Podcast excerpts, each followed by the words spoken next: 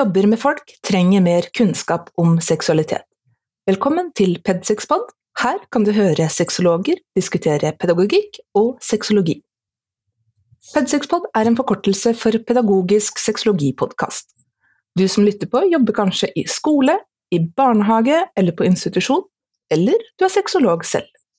I studio i dag er jeg, Marita Andersen, klinisk barnevernspedagog og spesialist i sexologisk rådgivning, og Hanne Grasmo, sosiolog, lektor, doktorgradsstipendiat og forfatter av kjærlighetsboka En bok for unge om sex.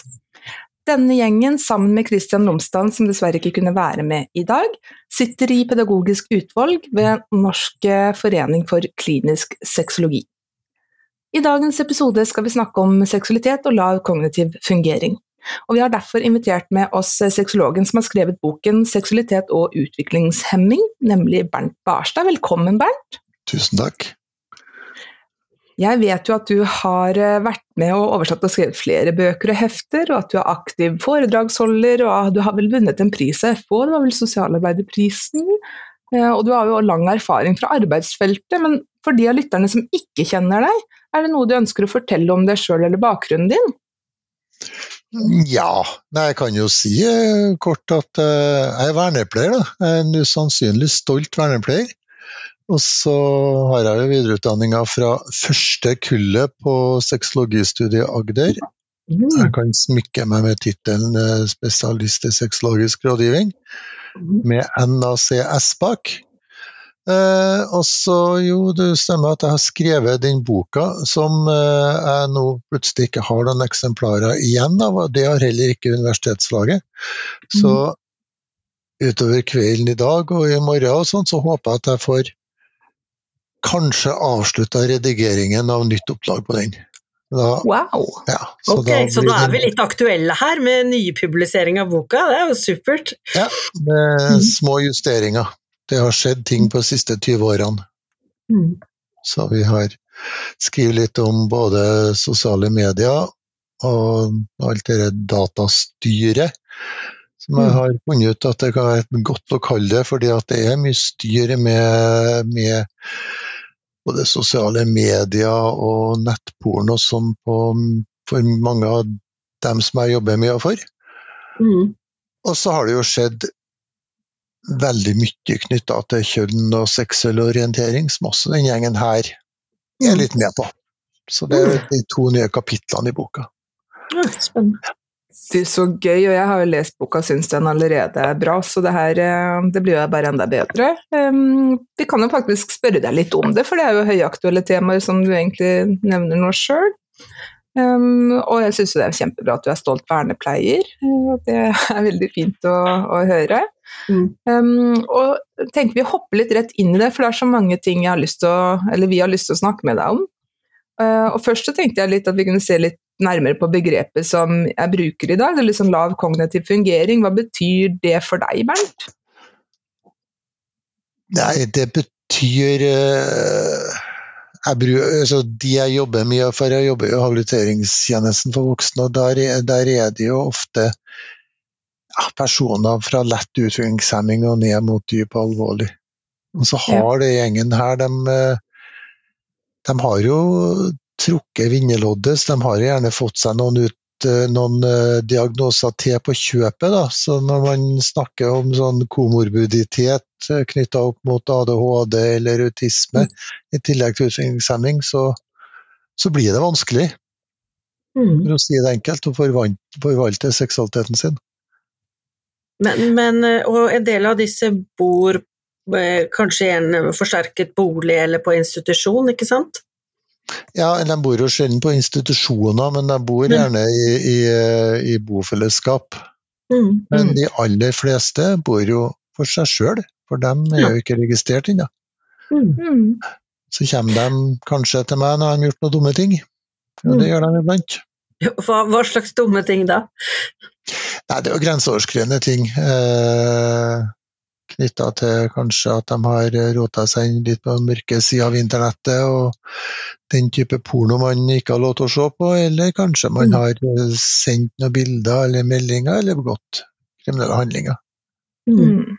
Eller ja, like gjerne blitt utsatt for det. Mm. For det er jo ikke sånn at alle er fanga opp av et hjelpeapparat, ikke sant? Det, jo, det vet vi jo. Mm. Og litt av grunnen til at jeg bruker liksom en lav kognitiv fungering, er jo litt som du sier, det, så, det kan være så mange tilleggsdiagnoser og hva som skal omfatte litt alt. Um. Så det, det er i hvert fall min tanke, og jeg ble invitert med av en gruppe som arbeidet med um, barn og voksne som hadde veldig, veldig lav fungering. Uh, så hadde de hatt noen foredrag av uh, HAB-tjenesten for uh, å snakke om seksualitet og hvordan man kunne tilrettelegge. Mm. Men der fant de en utfordring, for man kan på en måte det til en viss sånn aldersnivå, et kognitivt nivå, hvis man har litt forståelse, men her hadde man en brukergruppe som ikke hadde språk, og som ikke hadde kanskje liksom at de var fungering som en ettåring. Eh, og da eh, kunne på en måte ikke Habtjensen legge seg så lavt heller eh, i å forklare hvordan man skulle møte det. Så da ble vi liksom enige om at vi brukte lavkognitiv fungering, og så gikk vi liksom ut derfra, da. Mm. Så det er jo, Vi har jo et spekter her, fra dem som egentlig fungerer i hverdagen og ikke er helt oppdaga, til helt dem som bor i en bolig og, og har det laveste mm. nivået av fungering, er jo egentlig det denne episoden her favner om. da. Mm. mm. Men, men ja, det som vi har jo vært opptatt av mye, Marita, i, i denne podkasten, er jo eh, seksuelle rettigheter. Og, og, da gjelder det jo også barn, at barn har rettigheter til å få informasjon og utdanning. Men, men, men hvordan tenker du rettighetene til folk med lav kognitiv fungering er, Bernt? tatt, tatt i eh, vare i Norge i dag, da. Begrenset i Norge, i hvert fall. Ja, nei, rett, rett, rettigheten er jo der. Eh, det er muligheten vi kan snakke om. Mm. Eh, og opplysningsarbeid er en viktig bit. Mm. Og så altså de, Hvis man snakker om, om, dem som fungerer ordentlig dårlig, da, så er det mm. jo Da kan man begynne å snakke om, om hva man har rett på hvis man trenger noe fysisk bistand. Altså jo, mer, mm. jo nærmere på man kommer intimsonene knytta til seksualitet, jo vanskeligere blir det. Ja, for vernepleieren? Eller for hjelpeapparatet, mener du? For, for hjelpeapparatet. Da, mm. da, er det mange som vegrer seg, og det er jo en sånn uh, Gjerne en pedagogisk tvist av det her. Mm. Fordi at uh, det er ingen, ingen, regler på hvor tett man kan gå. Mm. Det er en straffelov som regulerer noe her i forhold til at da beveger man seg litt i nærheten av den, uten at det har vært noen sånn saker som bekrefter det. Så jeg har hatt noen diskusjoner om hvor tett kan man gå, hva, uh, hva skal man gjøre. Mm. Men vi kan kanskje la den ligge. Eh, mm. Den er interessant ikke seg sjøl, men jeg har ikke funnet noe juss som sier det ene eller andre. Jeg har funnet jurister mm. som sier det ene eller andre. Men eh, mm. når jeg spør dem hva de finner igjen i loven, så blir de litt sånn svarskyldige. Men, eh, men, så har du den andre biten, fordi at vi er veldig glad i å rettlede og veilede utviklingshemma og andre med lavt kommunitivt nivå som trenger bistand. Vi er veldig glad i å veilede dem i hvordan de skal ha på seg buksa, og hvordan de skal smøre på brødskiva si og alt sånt. Eller lage middag. Men eh, når det handler om hvordan de skal forvalte seksualiteten sin, så mm. må de finne ut av det sjøl. Mm, ja. Eh, når man kommer til hvordan de skal ha sex med en partner, så er man veldig flink til det ene, at man er heteronormativ, og det får nå så være, men det mm. andre er at eh, da får de ordne det sjøl. Man forklarer dem at begge må ha lyst, og så får dere bare finne ut av det. Mm. Eh, jeg har en forelesning som, eh, som, jeg hadde egentlig som en slags eh, sånn frampek til en plass jeg hadde jobba litt tidligere. Mm. For De ville at jeg skulle prate om sex, og så sa de at du må gjerne komme noe provoserende, Bernt. Okay. Ja, det kan jeg gjøre. Så jeg laga en forelesning som jeg kalte 'Hvorfor utviklingshemma menn så dårlige elskere'. Ja, jeg syns at det var en ganske provoserende tittel, og så begynte jeg å lage argumenter for det, og så la jeg med noen morsomme bilder, og så ble det egentlig en ganske morsom forelesning, som jeg hadde flere ganger. Men den, det som egentlig var et en litt sånn morsom frampek fra meg, var egentlig ganske alvorlig og viktig. Eh, fordi at eh, jeg påstår at det er tre komponenter som skal, være til stede, som skal være til stede for at man skal lykkes ha sex med en partner. Mm. Eh, Det ene er språk. Språkferdigheter. Og det andre er at man eh, må ha empati. Og det tredje er at man må ha evne til å se, ta den andres perspektiv. Mm. Så når det kommer til språk, eh, så er jo eh, altså For å få lov i Norge til å ha diagnosen, eh, diagnosen psykisk utviklingshemming, det er det diagnosen heter, Mm. så skal du ha språkproblemer. Det er en av Mm. inngangsportalene. Mm. Og språkproblemer, det kan ikke dreie seg om at du har problemer med ekspressive språk, altså forstå. Mm. Nei, gjør seg forstått. Mm. Impressive språk, altså forstå. Eller at man formidler språket sitt på andre vis. Mm. Men, Mhm. men du, nå, nå skal jeg spørre noe, for du har jo skrevet en bok som, som, som er for hjelpeapparatet, ikke sant? Ja. Men akkurat nå så var jeg på den nordiske sexologikonferansen, og der er det jo noen eh, eh, norske forfattere som nå nettopp har kommet ut med et hefte for funksjon, folk med, som har nedsatt funksjonsevne selv. Ja. Kjenner du til den? Hva heter den? Vi skulle gjerne nevnt den her, og nå kommer jeg ikke på den, skjønner du. Eh, jeg husker ikke, men det er Wenche Fjell og hun eh, Ja. og Karina som har laga den boka. Ja, for jeg tenker Det kan jo være aktuelt at folk som, som jobber eh, og- ute i felten, kanskje ja, men kan den har ikke kommet ut ennå. Å nei, så den var bare Nei. sånn eh, sneak peek vi fikk på Ja. Så den Ja. blir lansert på, på nettverkskonferansen til det her NFSS, altså Nettverk funksjonshemma Ja. samliv og seksualitet, Mm. som blir, og det blir i mars. Eh, og så har Dagfinn Sørensen og jeg har også skrevet en bok for Ja. utviklingshemma. Hva heter den da? Hjelp, jeg skal ha sex. Ja, det høres bra ut. Og den, Mm. eh, den kommer det nytt opplag forhåpentligvis ganske snart. Jeg driver og får den satt, men hun som har Mm. satt altså den, Jeg gir den Mm. et eget forlag, og vi har ikke råd til å betale mye lønn til folk. Og Da Mm. er det frivilligheten som holder på, så hun som er frivillig der, hun, hun gjør det når hun er i stand til det, som jeg sier. Så Det er jo litt trist at man skal bruke frivillige ressurser til noe så så viktig. Ja, Ja. eh, Marita, du, du har mer Jeg er bare så nysgjerrig på det der.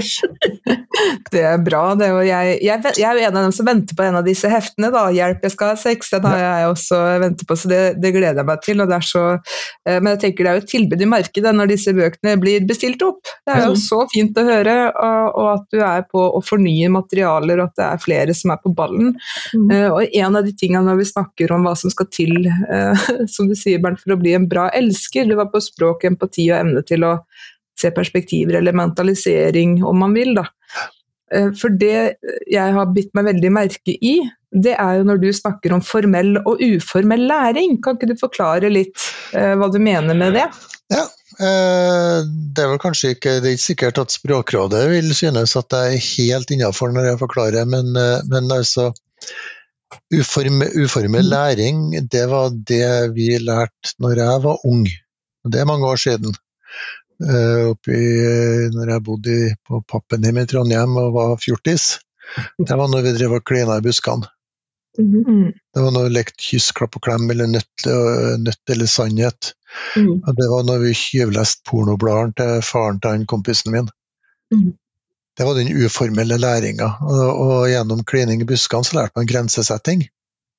Fordi Mhm. at når, eh, når vi lå der og klina buskene og visste at handa bevega seg under T-skjorta til den man klina med, og den handa ble stoppa, så erfarte man også at hvis man pressa litt på, så ble det slutt på klininga. Mm. Så, så det er den uformede biten av læring, eller, eh, eller Grete Rønvik i sin tid, hun er død nå, men hun er en av pionerene innen området her. Når hun eh, tok Agnar Mykle-boka og bare holdt den i handa, så den åpna seg på den mest brukte sida, så var det de mer eh, eksplisitt seksuelle sidene i sangen om Røde rubin som åpna Mm. seg, og da skjønte hun at det der ungene hennes drev og leste. Mm. Så- Den uformelle læringa du ikke får gjennom skolen eller pårørende, eller foreldre. Mm. Men det formelle er det du får gjennom eh, skolevesenet og, og foreldrene dine. Og her møter vi vel på en del utfordringer, for det husker jeg du har sagt, at da får vi en brukergruppe som får litt sånn dobbel handikap, for de er ikke kule nok eller har nettverk nok til å få uformell læring. Nei, de får ikke være ikke med å kline. Og de har så tett voksenkontakt. Det er noen som følger med på dem kanskje mye mer enn andre barn. Ja. Og så kanskje de tas ut av seksualundervisning på skolen, eller har sånn gruppeundervisning. Så her får liksom Hvor lærer de med lav kognitiv fungering om seksualitet? Det er et veldig interessant spørsmål, og det, og det er jo der vi er tilbake til hvorfor er utviklingshemmede menn så dårlige elskere. Ja. Og for så vidt, eh, og en, da ta noe greit jeg var innom språket, og så kan jeg jo si veldig kort om fordi at når man har sex med en partner, så blir det litt stønning og grynting, og, og, og så må man tolke det stønnet og det gryntet. Var det et positivt stønn og grynt eller negativt? Og så, og så prøver man seg frem, og så får man noe hint om at jo, du er på rett vei. Nonverbal kommunikasjon kalles det på godt norsk. Mm. Det kan vi. Det er ikke personer med kognitive vansker noe spesielt gode til, for det er ganske avansert kommunikasjonsform. Og det er jo samme med, med empati. Eh, når jeg var ung, så hadde vi et begrep vi kalte for tøm og røm. Det er tøm, det er mye tøm og røm i, i den der verden. Eh, og en annen ting som gjør at det her blir veldig sårt og vanskelig og trist, det er at eh, eh, de her utviklingshemma jentene, eller damene, de har jo heller ikke fått anledning til eller fått opplæring i onanering. Mm. De har ikke fått rammer for å holde på å onanere, for de blir jo passa på hele tida. De har ikke noe nettverk, og man snakker mye om onanering. Mm. Og som gjør at når man blir voksen og trer ut i den eh, voksenverden som handler om seksualitet, så har man heller ingen formening om sex er godt eller ikke. Mm. Men- men jeg må Ja, sorry. Nei, jeg, bare tenkte på, for nå har du nevnt både Grete Rønnevik og dette nettverket for funksjonshemmede samliv og seksualitet, som jeg oppfatter er et fantastisk miljø når det gjelder eh, sexologi og, og funksjonshemmede. Men, men jeg bare husker Grete Rønnevik, for jeg har vært på en del av de konferansene, og jeg husker hun hadde altså så mange sånne solskinnshistorier om hvor bedre og høyere fungering eh, folk med nedsatt funksjonshemmede fikk etter at de fikk seksualitet, spesielt på jenter. Noen historier her om hvor de spesiallagde en sånn vibrator som man kunne holde på hånden, dette var for en jente helt uten språk, som drev og banget hodet inn i, altså bodde i et sånt rom med, vegg, det, med myke vegger, jeg kan ikke begrepene. Polstring, ja. Så hun bodde der og, og hadde så mye selvskading, og etter at hun fikk til å gjøre dette på egen hånd, så liksom spurte de som kom på neste skift til denne boligen, så var det liksom hvilke nye meds er det hun går på nå? Og da var det rett og slett, ikke sant, hun var vel rundt sånn 18-20, og nå hadde hun endelig fått eh, sin egen seksualitet. Og liksom sånne historier da er noe av det som vekket min interesse mer, når jeg skjønner hvor stor forskjell det kan være om du får kontakt med din egen seksualitet eller ikke, da. Og der tenker jeg jo, da jeg må nesten trekke på smilebåndet, for da tenker jeg tilbake til når onani var på en måte hovedårsaken til sinnssykdom, som man trodde på 1800-tallet. ikke sant? At vi fikk den hysteria, ikke Mm. sant? hvor folk ikke skulle onanere, og da ble jo folk litt uh, smågærne i, i toppen, ikke sant? Uh, så det er jo noe med um, Alle har jo eh, Alle er født med en seksualitet. Mm. Og erogene soner er jo erogene soner. Og det er liksom sånn at vi er jo mennesker hele gjengen. Eh, og kroppen har jo de behova kroppen har for nærhet, intimitet, føle seg tiltrekkende, Mm. spenning. Eh, jeg kan jo se for meg at eh, hovedårsaken til at de med lav kognitiv fungering har sex, kanskje er mange av de samme som, som alle andre. I tillegg kanskje til at det er ingen andre som liker meg, så hvis du gir meg litt tid og sånn, så, så er det bedre enn ingenting. At man får kanskje en del av de gråsonesakene. For eh, jeg har jo eh, hørt det òg, at det er vel to til tre ganger eh, så økt sannsynlighet for at man blir utsatt for overgrep, seksuelle overgrep, når man har lav kognitiv fungering. Mm. Det er vel tall som fortsatt stemmer, Bernt? Det er tall som øh, kanskje stemmer, ja. Kanskje. ja det, er fordi at det her er jo, det det var noe Marit Holm Kvam sa på slutten av 90-tallet. Mm. Eh, og hun sa det vel mer eksplisitt som at eh, personer med funksjonshemminger er to til tre ganger så mye utsatt for seksuelle overgrep. Og i den populasjonen, altså de med funksjonshemninger, så er det to grupper som uh, skiller seg spesifikt ut i negativ retning, og det var personer med utviklingshemming og døve. Så to til tre ganger, den bruker jeg som en målestokk.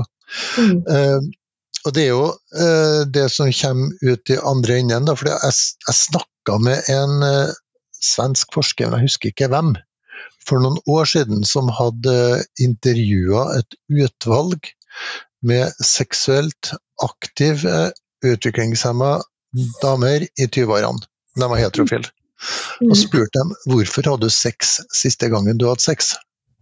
Og da var liksom svarene det handla om at jo, han spanderte null på meg, så da måtte han få igjen. Eller han fortalte meg at venninna mi var mye bedre enn meg, så jeg skulle vise ham det. Eller eh, vi er jo kjærester, og det er jo normalt. Altså Ingen av eh, de her damene som hun refererte, uh, kunne fortelle at de hadde sex fordi at de hadde lyst til å ha sex. Mm. Det var andres behov. Og jeg syns jo det var veldig trist.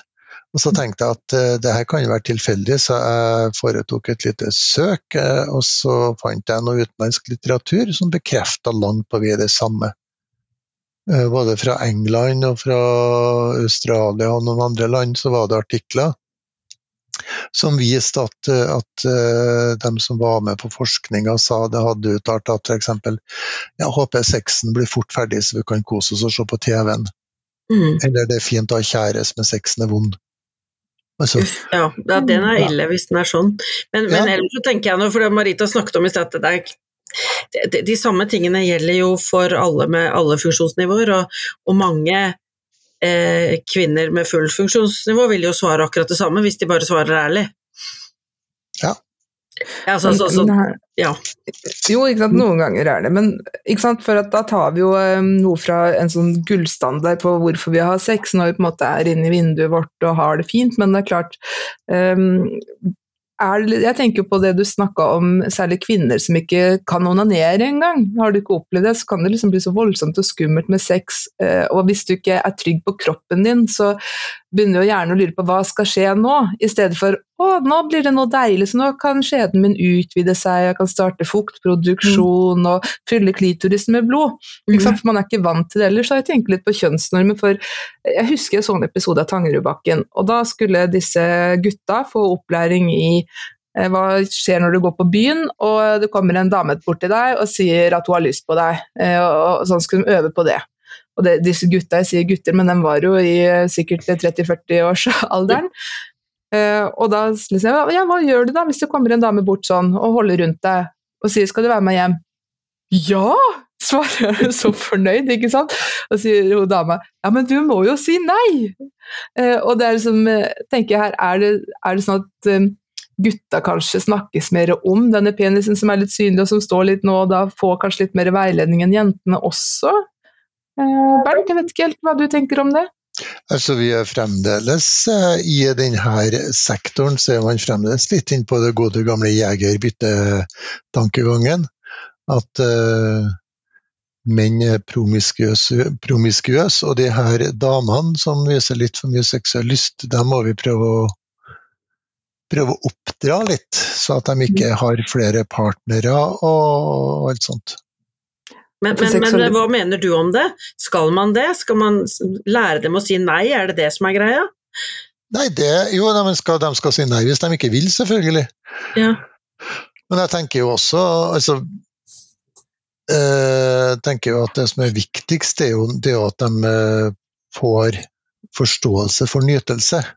Og det er mm. da en sånn talsperson for at de her damene og jentene skal lære å onanere. Eh, da kan du faktisk eh, tenke at ja, potis og cola etter å ha hatt sex med en Carl, det, det, er ikke noe særlig likevel, for sexen var ikke noe god. Mm. mm. Og, så, og, så, kan man også hjelpe til sjøl, enten med å korrigere den som driver oppe og driver og har litt mm. sex med deg, til å gjøre litt mer sånn.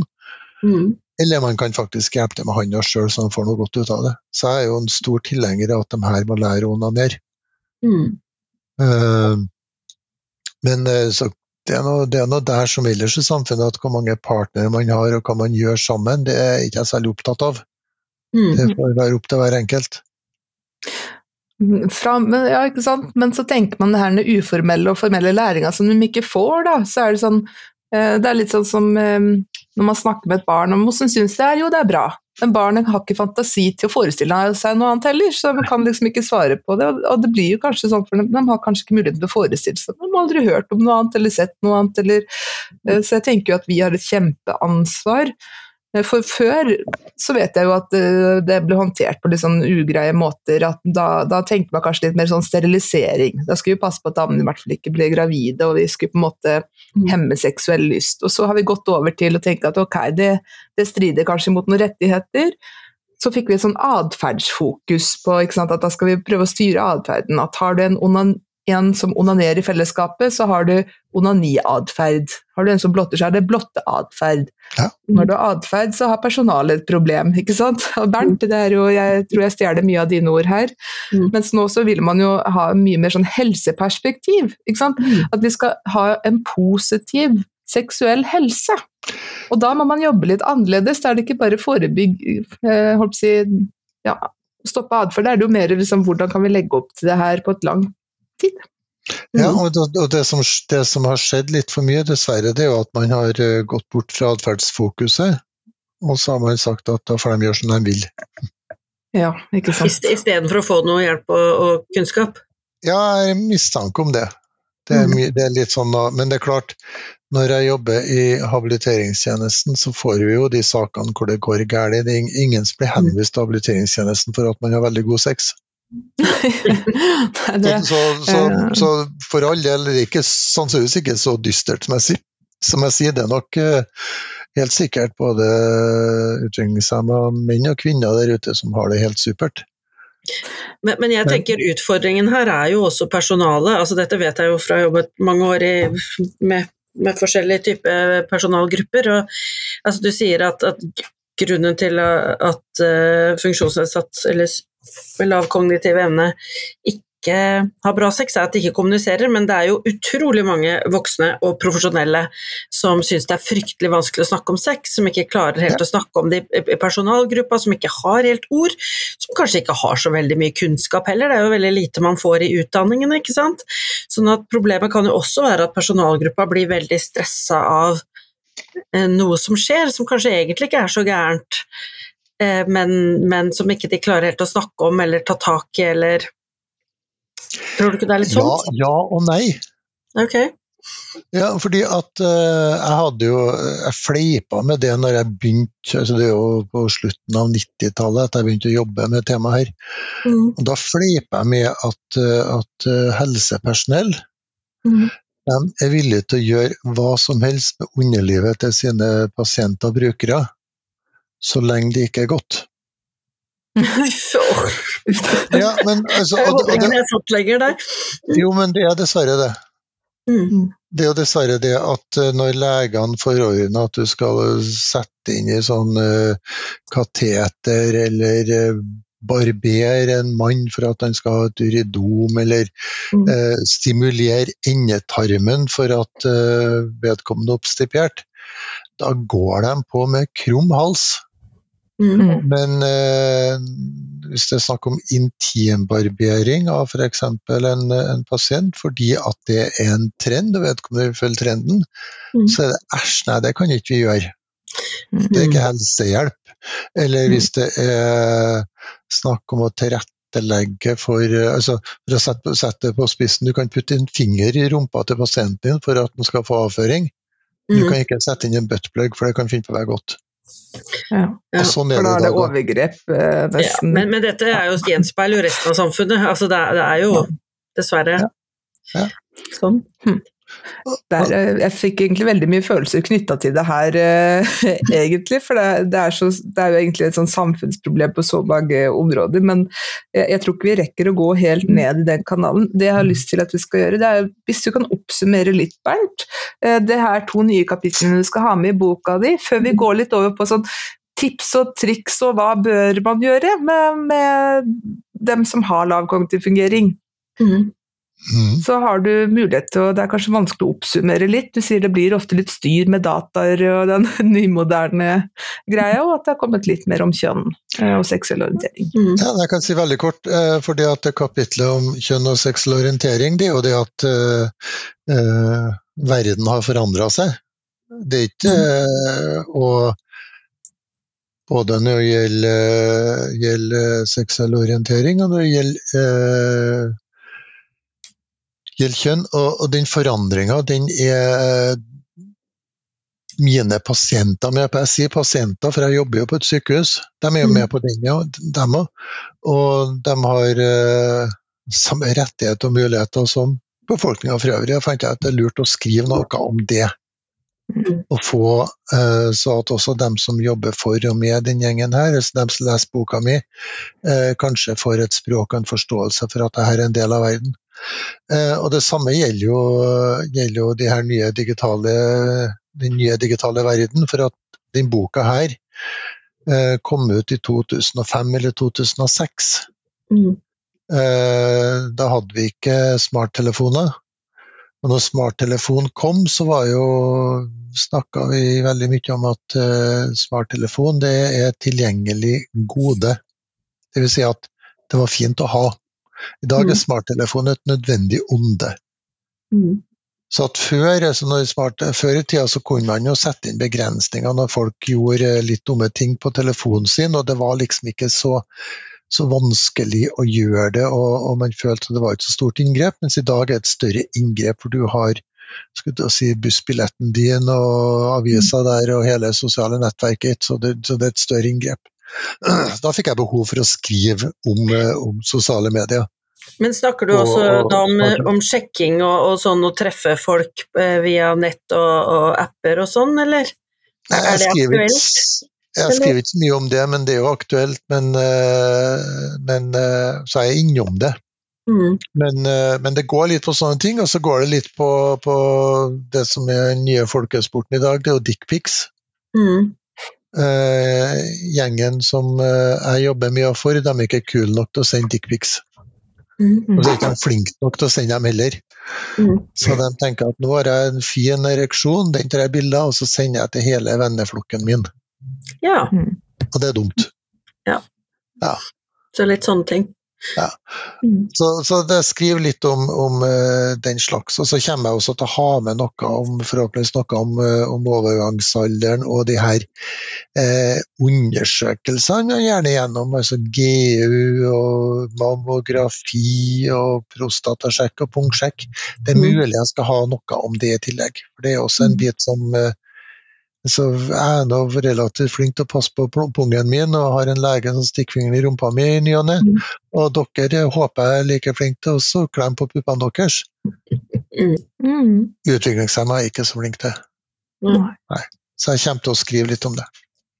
Ja, så bra. Håper jeg. tenkte bare før vi gir oss, Marita, jeg ser at du skal snart avslutte også, men jeg tenkte å nevne en gjeng til som jeg syns har gjort en del om, om uh, funksjonshemmede og seksualitet i det siste, og det er jo unge funksjonshemmede. De har virkelig satt seksualitet på dagsordenen, og jeg tenker det er også kanskje et sted folk som hører på her, kanskje kan uh, ta kontakt med, eller altså få for, jeg har jo hatt en ansatt som har spesielt eh, ansvar for seksualitet, f.eks., så der har det vært en sånn pressgruppe. Jeg vet ikke hvor mye de har jobbet med lav eh, kognitiv funksjonsevne, men eh, De jobber ikke mye med dem. Mm? De jobber ikke så mye med dem, nei. men, Mm. men så det er jo mer inn mot CP og den type altså fysiske funksjonshemminger. Men det er en del paralleller. Jeg samarbeider mye med den målgruppa. Mm, Både samarbeider med og jobber med. Mm, Og det er like, like mye sånn ulykkelige ting som skjer der. Jeg, Mhm. snakka med ei dame for noen år siden som var veldig på hugget og veldig Hun var veldig tøff. Altså, Mhm. hun var ikke, ikke noe det pilla ved nesa, nei. Mm. Men Hun kunne fortelle meg om første gang hun hadde samleie. mm, Og det var veldig trist, fordi at eh, den tøffe dama der, hun, eh, hun hadde noen spasmer og litt sånn kontrakturer og sånn, så når hun skulle ha sex, var det ikke bare bare. Mm. Og de drev og fomla og famla veldig mye, og så på et eller annet tidspunkt så, så fikk han det nesten til, og så tenkte jeg at vi får bare la det stå til. Mm. Og da fikk hun brist i bekkenet. Oi. Oi. Ja. Mm. Det er ikke noe så og det, de, de, lærer sannsynligvis ikke med sikkerhet, men eh, jeg tror veldig mange av dem er fysisk funksjonshemma, og spesielt hvis du har kognitivt eh, skurr i tillegg, da, Mm. så, så lærer ikke de noe særlig hvordan man skal lykkes med å ha et, eh, et samleie med partner. Mm. Så Og det har jo så mye å si for livskvaliteten vår, for det er jo klart at nå snakker vi om en gruppe med mennesker som oftere er utsatt for overgrep, men som også oftere er grenseoverskridende mot andre. Nettopp fordi, som du sier, det mangler kanskje empati og evnen til å sette seg inn i, og eh, det er på en måte en sånn ja, en, noe som ikke helt mestrer seksualiteten eh, eh, på egne premisser eller på egen hånd. Og jeg Ja. tenker liksom at jeg har lyst til at vi skal gi liksom noe sånn positivitet og positive vibes til dem som lytter på, for det er jo ikke sånn at da er det håpløst.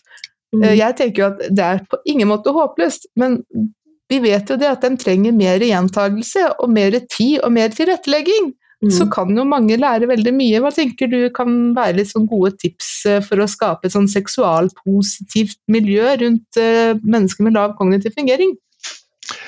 Nei, altså det er jo annet tillatelse. Man, må ha en erkjennelse om at det her er et tema. Det er noe som opptar dem. Språk er jo skrekkelig viktig. Eh, Når man snakker med personer med, eh, med eh, lav kognitiv funksjon, så må man gjerne ha noen gjentagelser. Man må gjerne ha noen runder før man er sikker på at de skjønner. Eh, De fanger opp ord. Eh, Mange er flinke til å maskere egen eh, manglende kompetanse gjennom ord, som gjør at, eh, at du tror at alt er skjønneste orden. Eh, Det var en dame jeg snakka med for noen år siden som eh, hadde, mye, hadde en kar som bodde til omtrent over natta. Jeg spurte litt sånn hvordan det her var. Jo, det var fint, det var trygt. Ja, har dere sex, da? «Eh, ja, det har vi jo for så vidt hver kveld. Ok. Er det godt, da? «Eh, jo, det er jo ganske godt. Jeg får du orgasme? Ja, enkelte ganger så merker jeg at jeg kanskje begynner å få orgasme. Ja vel, hvordan er det? Nei, da blir det litt lettere å ha sex. Og så spør jeg, vet du hva kåt er? Nei. Og så forklarte jeg hva kåt er, og sa å, det var det som jeg trodde var orgasme. Mm. Mm. Så at eh, språk er veldig viktig, å skape en forståelse og bruke enkelt språk. Vi er jo eksperter på å bruke vanskelig språk. Mm. Nei, det må være et enkelt språk. Og man må tørre kanskje å, å ta i bruk eh, bilder og ikke unngå å bruke metaforer. Mm. Det er det aller viktigste. Altså det du sier om seksualvennlig miljø, da må man jo sørge for at eh, at det er jeg kaller det markører da, i miljøet som, som skaper tillatelse til å prate om seksualitet. Jeg liker den plakaten som dessverre ikke er så tilgjengelig nå lenger, som ble laga hos Bufdir i forhold til, til seksuelle overgrep. Eh, jeg husker jeg fikk overtalt en campinglandsby til å fylle en gullfiskbolle med kondomer. Mm. For det var noen der som bodde der som syntes det var en god idé. Jeg hadde kurs, nemlig. Mm. Og så var de enige at jo, du kan fylle den med kondomer. For det var en som sa at hvis to, en eller to av kondomene blir, blir brukt riktig, så er det smart. Ja. Bøker Jeg syns jo, uten å skal reklame, jeg sliter med å reklamere for egne bøker, nemlig, men den der boka 'Hjelp, vi skal ha sex', den frem, så går det an å bla igjen, så går det an å diskutere det som finnes der. Ja, legge frem ting er fint. Ja. Ja, Og så snakk om det som er i media Mm. med dem. De er nysgjerrige. Mm. Og så gjerne også ha felles eh, fora hvor man kan snakke om ting som opptar dem. Kjærester, venner. Mm. Man må være på ballen. De er ikke så flinke til å være på ballen. Mm. Uh, og jeg som på en måte ikke er deg, jeg kan reklamere for dine bøker, Bernt. Og jeg syns at det er strålende bra litteratur, må jeg bare si. Men um, nå snakker vi jo litt sånn på, og det liker jeg, på individnivå, hva den enkelte kan gjøre litt uansett hvor du møter det, men er det liksom noe organisatorisk som burde vært på plass, sånn at det her liksom ikke er så avhengig av at vi har én engasjert lytter som hører på, og som er nødt til å plutselig dra hele lasset for gjengen sin. Mm. Hva, hvorfor er ikke det her inne? Jeg, jeg vil ha pustet ut på hvert tettsted. Pust ja, ut, pust ut, den organisasjonen er flott. Ja, ja mm. og, og, man kan jo selvfølgelig si at ja, men det er jo skjev seksualitet.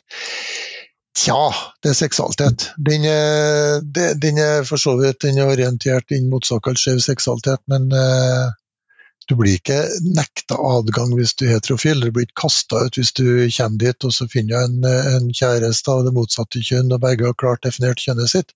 Det er en mm. organisasjon som uh, har treffsteder som har bl.a. seksualitet i fokus. Så jeg vil ha, jeg vil ha seksualitet bak hver en busk. Jeg har, ha pust ut bak hver en busk. Kjempebra. og Det er som du sier, det er jo en møte, trygg møteplass for uh, dem med lav kognitiv fungering. og Man har jo mye kult. Det er jo drag syndrome er blitt laga. Uh, ja, det, det fins litt sånne kule ting. Um, men, men, jeg tror ikke vi rekker mer. Jeg syns det er kjempespennende, men nå har vi gått over tida, og da vil jeg takke alle som har funnet veien hit, og brukt tida si på seksualitet og lav kognitiv fungering. Vi i Pedsexpod vi lager en serie med podkaster hvor vi drøfter ulike problemstillinger knytta til seksualitet og pedagogikk. Dere som lytter kan også sende oss temaer dere ønsker at vi drøfter her i podkasten. Forslag kan sendes til pedsexpod at gmail.com. Og da håper vi at du kommer igjen.